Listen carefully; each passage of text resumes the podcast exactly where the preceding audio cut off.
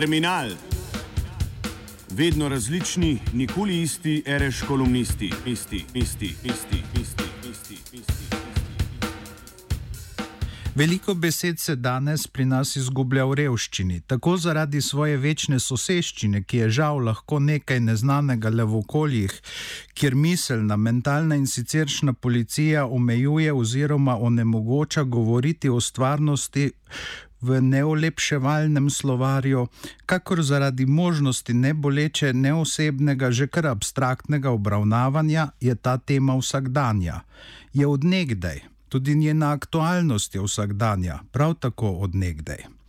Zares nova more biti zgolj prikazovanje in razlaganje revščine, čeprav tudi do tega pride le redko. Še običajnejše je iskanje krivcev za njo ter poudarjanje naporov za njeno izkoreninjenje. To je posledica sistemskega obravnavanja revščine, kar prej ali slej privede do njenega odkritega postatistenja, politizacije ali celo estetizacije. Tema je tako nekako začela zadevati ob vse in jo je celo mogoče splošno uporabljati, ni pa nujno, da slehernika prižene tudi v kakršen koli odnos do svojega jedra. Lahko ostane zgolj nekakšna večna, neizginljiva senca slehernega sonca. Kaj ti kdo ne ve, kar je povedal Heinrich Heine v teku sveta? Kdor veliko že ima, bo še bolj bogat postal, kdor ima le malo kaj, bo še brez tega ostal. Če pa nimaš čisto nič, ah, kar daj se pokopati, živ sme biti tisti lump, ki zna vsaj posedovati. Tako ni samo zaradi neodnosov med ljudmi, temveč tudi zato, ker obstajata le dva temeljna načina soočanja z revščino, oba sta paradoksalno v načelu, ne pa tudi v izvedbi in rezultatu konvergentna. Če bi se uresničila, bi ustvarila enakost, a ta je v človeškem svetu slejko prej le nasledek kriz. Prvi od pristopov ki je tudi običajnejši, je eliminacionističen. Ne mara ga najbolj plastično izraža postavljaško oznanilo Grigorija Joseviča Zinovjeva iz leta 1918 o tem, da nima česa reči desetini prebivalstva pod oblastjo režima, ki mu sam pripada, saj mora biti preprosto uničena. Drugi pristop je emancipacijski. Brščas ga najbolj nazorno povzema stavek legendarnega britanskega sindikalista, Churchillovega ministra za delo in Etlijevega sekretarja za zunanje zadeve Ernsta Bevina. Ko vidim dobro stvar, nočem bogatim onemogočiti pristopa do nje, temveč želim, da bi jo imel tudi delavec. To danes zveni antikvarno, vendar je očitno, da je poleg modnih novosti in norosti na sceni z mirom tudi klasika. Kako bi sicer zadnja izmena vedela, čemu nasprotuje? Če je besed o revščini veliko in so kdaj tudi sugestivno zapete, da nima v znameniti točki Misery's Coming Around iz Kern Hammersteinovega plavajočega gledališča, jih je v siromakih mnogo manj. Mislim na tiste, ki so to zares, ne na sto tisoče, ki jih v kakem politično impregniranem govoru ali intervjuju menijo ljudje, katerih noga še ni zakoračila mednje. Drugače, kakor z lastnimi očmi pa se jih ne da videti. Po pravici povedano, nisi mogoče niti predstavljati, da sploh so. Še več, nisi mogoče predstavljati, da sploh lahko so. On stran svetovnega spleta, on stran vodovoda in neredko celo on stran elektrike. Pa tudi daleč od tistih, ki bi jim lahko vsak dan dali. Kaj za preživetje. Večinoma samujejo, kakor topol, ki rase iz nepozabnih verzov Josipa Morna Aleksandrova. Dan danes, ko so mnogi medijski ljudje ponosni, da se lahko zakaj ne zanimajo, glasujo o takšnih siromakih, ki jih je mogoče najti pod tapiserijami in draperijami slehernega sistema, pri nas praktično ni.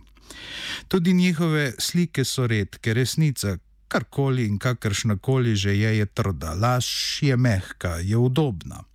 Zmerom je bilo tako. Pod socializmom je pri mariborskih obzorjih leta 1969 luč sveta zagledal zbornik Siti in Lačni Slovenci, ki je domovka šokiral našo javnost.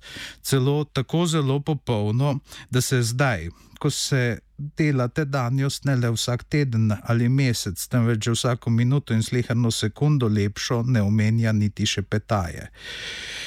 Niti razumniški manekeni, ki od nas glasno terjajo kar empatijo do posameznih držav, se pravi do struktur, katerim je najdrastičnejše nadomestno ime na del Max Gomplovič s formulo pravno organizirane roparske tolpe, se ne zmenijo za junake te britke knjige. Po drugi strani se dan danes že brez sramu laže, kako da je v času sitih in lačnih slovencev vsakdo imel delo. Pri tem seveda zamočijo sitno podrobnost, da si ga je marsikateri sromak moral poiskati v Nemčiji ali Avstriji, kakor v naših dneh. A tudi ne drži, da bi bilo dela nekoč za vse in bili so od vseh pozabljenih siromaki tedaj, kakor so sedaj. Nekateri od njih so danes samo okoli 50 let starejši, kot so bili v dobi sitih in lačnih slovencev. Dan teve misli v knjigi in njenem piscu kot zvodnikih ni mogoče generalizirati. Pred časom se me naprosilo, da sem napisal nekaj uvodnih besed v fotomonografijo o siromakih z območja, ki se mu je nekoč reklo Urvald, v naših dneh pa se zanrabi oznaka Kozjansko. Delo sem si drznil sprejeti zato, ker sem ljudi, kakršni domujejo med njenimi platnicami, nekoč dovolj pogosto srečeval. Zdi se mi, da sem jih nekoliko tudi razumel. V primeru te neobičajne knjige sem si upal biti celo to, kar je že načeloma najbolj zavrženo cankarjanski zastojenkar. Človek se pač ne more zmerom skriti za takšen ali drugačen princip. V navdih ali v tehu je tedaj brščas le vednost, da, tudi zgodovi, da tudi svetovna zgodovina pozna takšne momente in da so ti celo ponovljivi. Ko so Harryju Hopkinsu, ki je bil verjetno najvplivnejši svetovalec, kar jih je kdaj bilo na zemeljski obli, njudelavci različnih usmeritev prinašali zdaj po revolucionarnosti, zdaj po tradicionalnem zlatem standardu dišeče predloge, kako bi dolgoročno odpravili revščino med prebivalci Severnoameriške republike.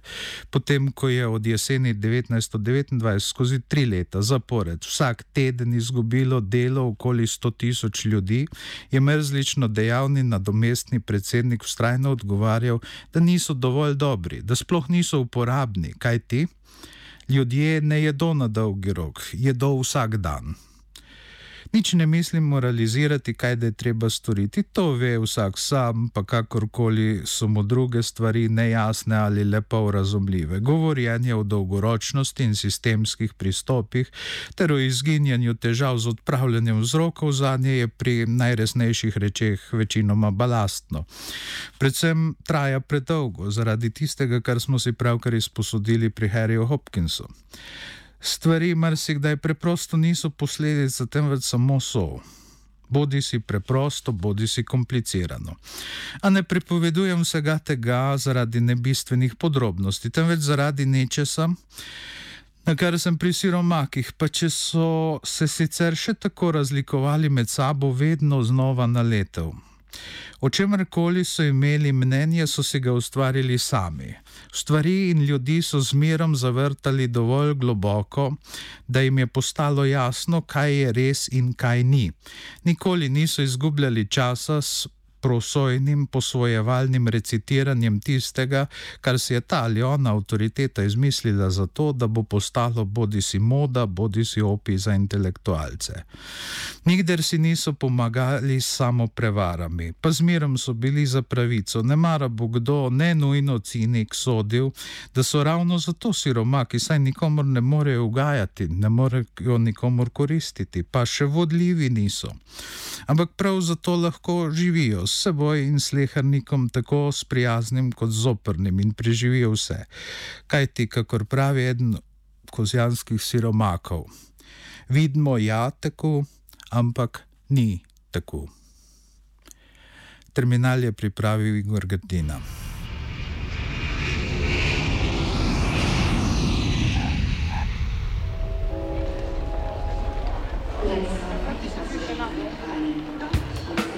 Terminal. Vedno različni, nikoli isti, reš kolumnisti, isti, isti, isti, isti, isti, isti. isti.